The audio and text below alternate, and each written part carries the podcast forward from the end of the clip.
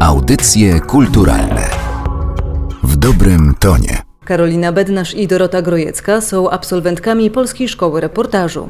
Szukając miejsca, w którym mogłyby publikować, stwierdziły, że na reporterskim rynku istnieje pewna luka i zdecydowały się ją wypełnić. Dzięki finansowaniu społecznościowemu udało im się wydać pierwszy numer nieregularnika reporterskiego Nonfiction. Rozmawiamy w dniu jego oficjalnej premiery.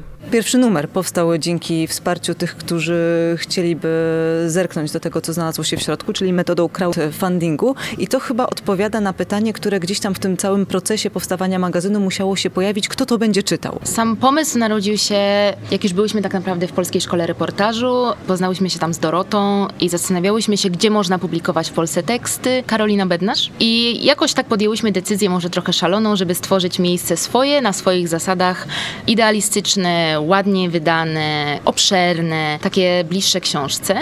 Potem zeszłyśmy na ziemię i zaczęłyśmy się zastanawiać, skąd wziąć pieniądze. Po rozmowach z różnymi osobami ze środowiska zdałyśmy sobie sprawę, że nie chcemy ani rozmawiać z reklamodawcami i mieć wielkich, nie wiem, reklamy co trzy strony. Y, niekoniecznie chcemy polegać na grantach, bo to też się zmienia, więc stwierdziłyśmy, że niech czytelnicy zdecydują, czy chcą to czytać i dlatego zdecydowałyśmy się na crowdfunding. Nie zrobiłyśmy takiego, powiedzmy, profesjonalnego researchu, ale miałyśmy takie silne przekonanie, będąc w Polskiej Szkole Reportażu, że jest wokół nas sporo ludzi, którzy piszą bardzo dobre teksty, e, młodych, niezależnych reporterów, Dorota Grojecka. I po pierwsze, ten pomysł e, był pomysłem stworzenia stworzenia im przestrzeni do publikowania tych tekstów, do poruszania ważnych społecznie kwestii.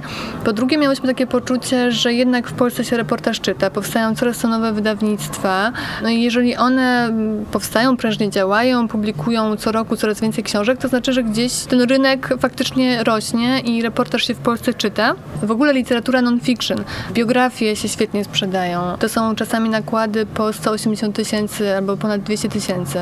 Generalnie działamy w ten sposób, że ufamy swojej intuicji. I nie robiłyśmy badania rynku, tylko porozmawiałyśmy z naszymi znajomymi, z ludźmi, którzy wokół nas czytają, z innymi reporterami i każdy tak entuzjastycznie podchodził do tego pomysłu, że stwierdziliśmy, że trzeba spróbować.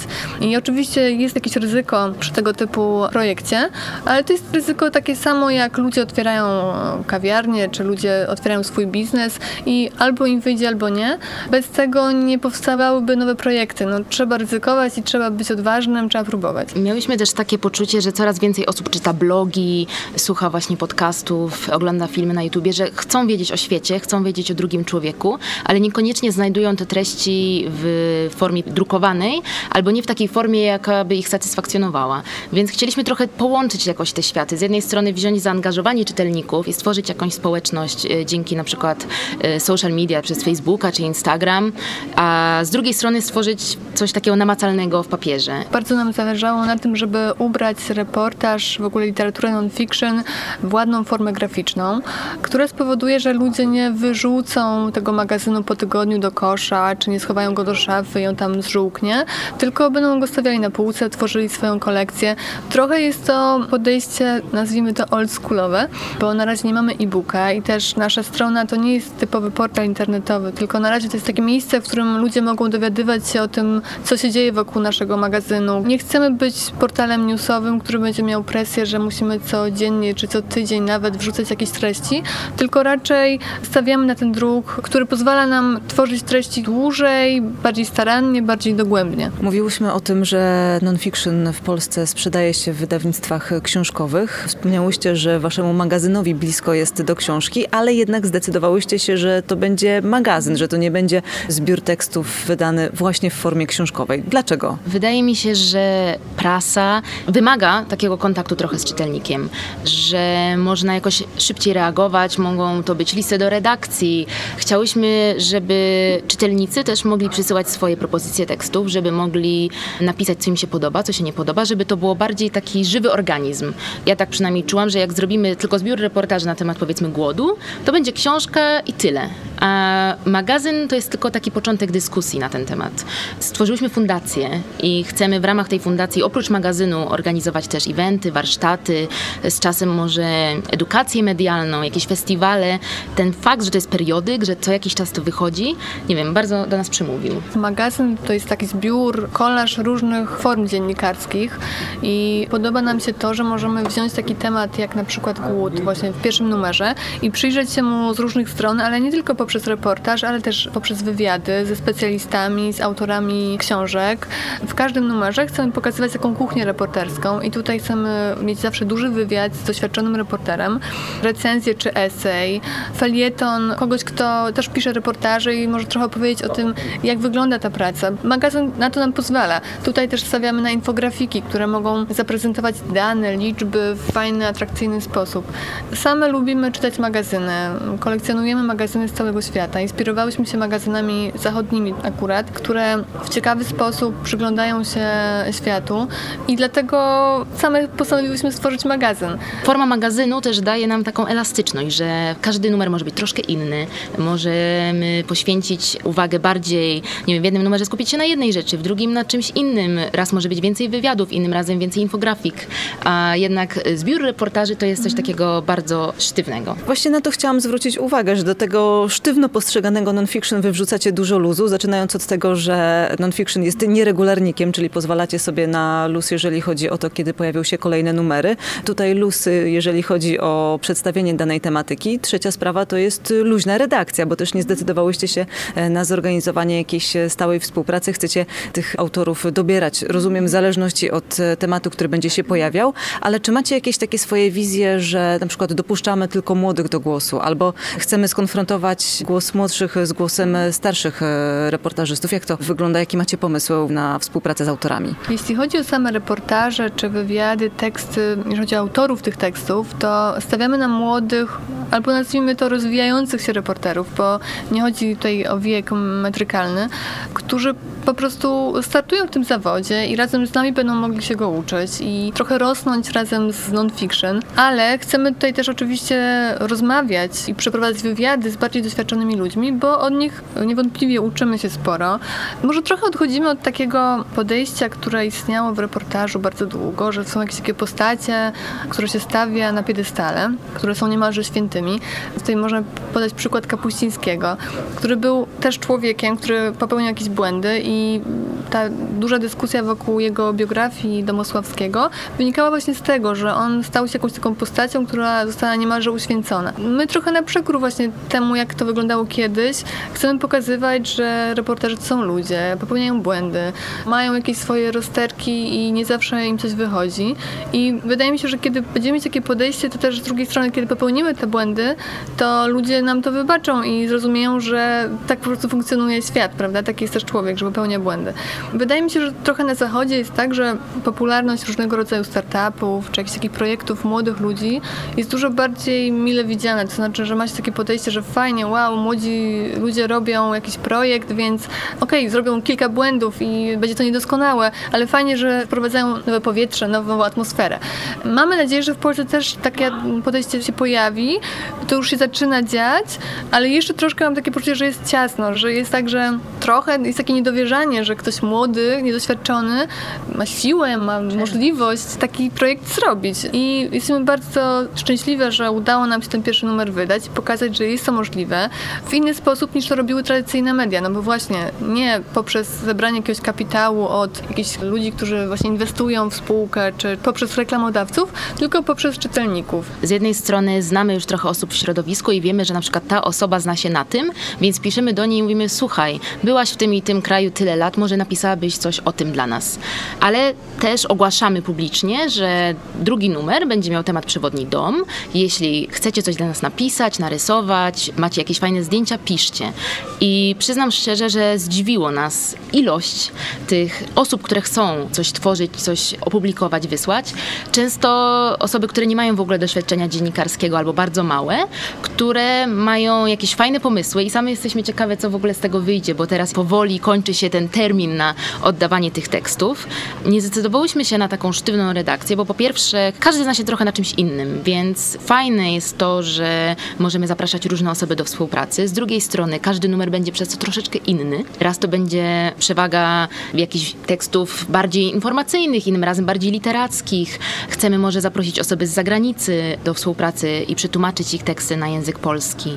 I wydaje nam się, że to daje nam po prostu taką ogromną wolność i tak jak tutaj Dorota wspomniała, miałyśmy takie poczucie, kiedy rozmawiałyśmy o założeniu magazynu, takiej duchoty trochę. Gdzieś tutaj w reporterskim świecie, że tak naprawdę jest jedna ścieżka, którą e, się podąża, że są te dwa, trzy tytuły, w których się publikuje i pomyślałyśmy sobie, a co by było, gdyby było trochę inaczej.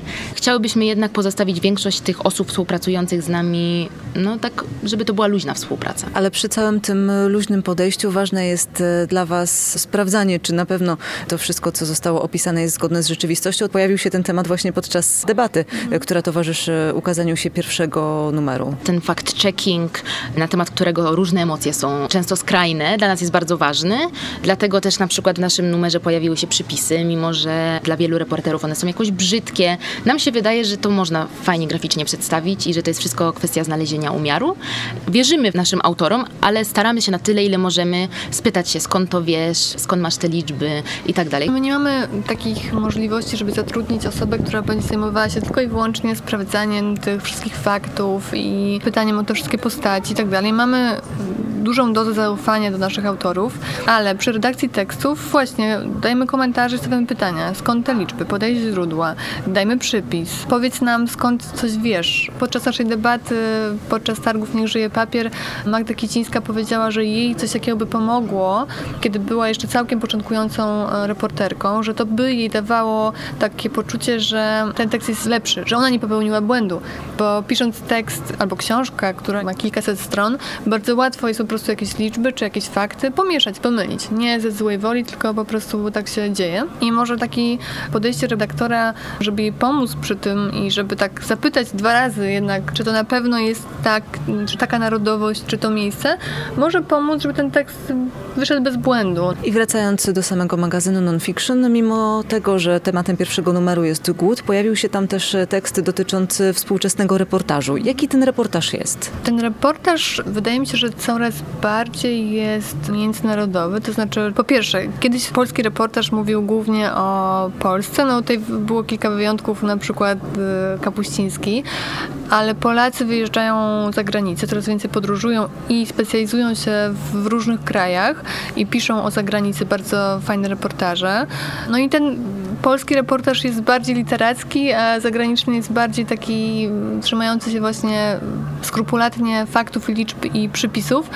Wydaje mi się, że fajne jest to, że reportaż się rozwija i jest coraz więcej autorów i że Polacy chcą go czytać. Wydaje mi się, że to jest ekscytujące. My byśmy chciały, żeby reportaż był zaangażowany i żeby poruszał ważne tematy społeczne i żeby zmieniał coś w świecie. I tak się po części na pewno dzieje. Jest kilku takich na pewno bardziej znanych e, reporterów, jak choć właśnie Justyna Kopińska czy Paweł Reszka, którzy swoimi reportażami zmieniają świat. I to jest super. To znaczy, faktycznie wydaje mi się, że muszą mieć takie poczucie, że ich praca ma sens. W Polskiej Szkole Reportażu młodzi reporterzy słyszą bardzo często o tym, jak reportaż wyglądał kiedyś i myślą sobie, kurczę, ja nie mam teraz trzech miesięcy na napisanie tekstu, mam tydzień. Ja tak trochę zejdę na ziemię do tych takich praktycznych aspektów. Z jednej strony zgadzam się z tym, że coraz więcej osób wyjeżdża, ale z drugiej strony są to z reguły wycieczki, wyjazdy finansowane przez samych reporterów. Wydawnictwa, redakcje nie stać na to, żeby zapłacić reporterom za wyjazd, więc jeśli ktoś pisze o jakimś odległym kraju, to nie jest tak, że to wydawnictwo inwestuje, a jeśli tak, to już robi to przy bardzo jakimś tam znanym i sprawdzonym reportażyście, więc niestety wymaga to umiejętności jakiejś takiej balansowania życia prywatnego i tej pracy. Z drugiej strony też sprawia, że to osoby jakoś zamożne mogą zajmować się reportażem zawodowo. Osoby, które mają wsparcie ze strony swoich rodziców, partnerów i tak dalej, więc wydaje nam się, że warto jakoś tam o tym mówić i że niestety czytelnicy często nie są świadomi, y, jakoś nadal ten mit pokutuje, że dziennikarze są bogaci, że dziennikarze super zarabiają i niestety tak nie jest i wydaje mi się, że fajnie byłoby, żeby reporter mógł spędzić odpowiednio dużo ilość czasu na pisaniu materiału, bo dla każdego będzie to korzystne i dla czytelnika, i dla reportera.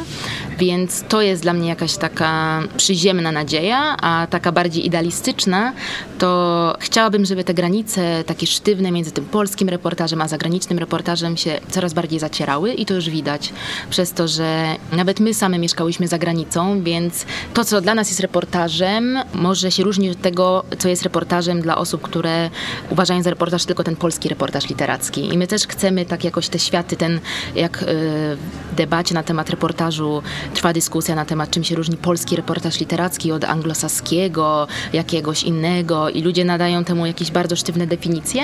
Według mnie reportaż po prostu jest opowieścią o drugim człowieku i to jest prawdziwa historia i nieważne, czy to jest bardziej poetyckie, czy nie. I wszystkie te opowieści znajdą miejsce w non-fiction. Mam taką nadzieję. Non-fiction to jest zbiór opowieści prawdziwych właśnie o drugim człowieku, o takim podejściu wrażliwym do drugiego człowieka i do świata. Chcemy wspierać jako też Fundacja Niezależnych Dziennikarzy i Rzetelne Dziennikarstwo. Audycje kulturalne w dobrym tonie.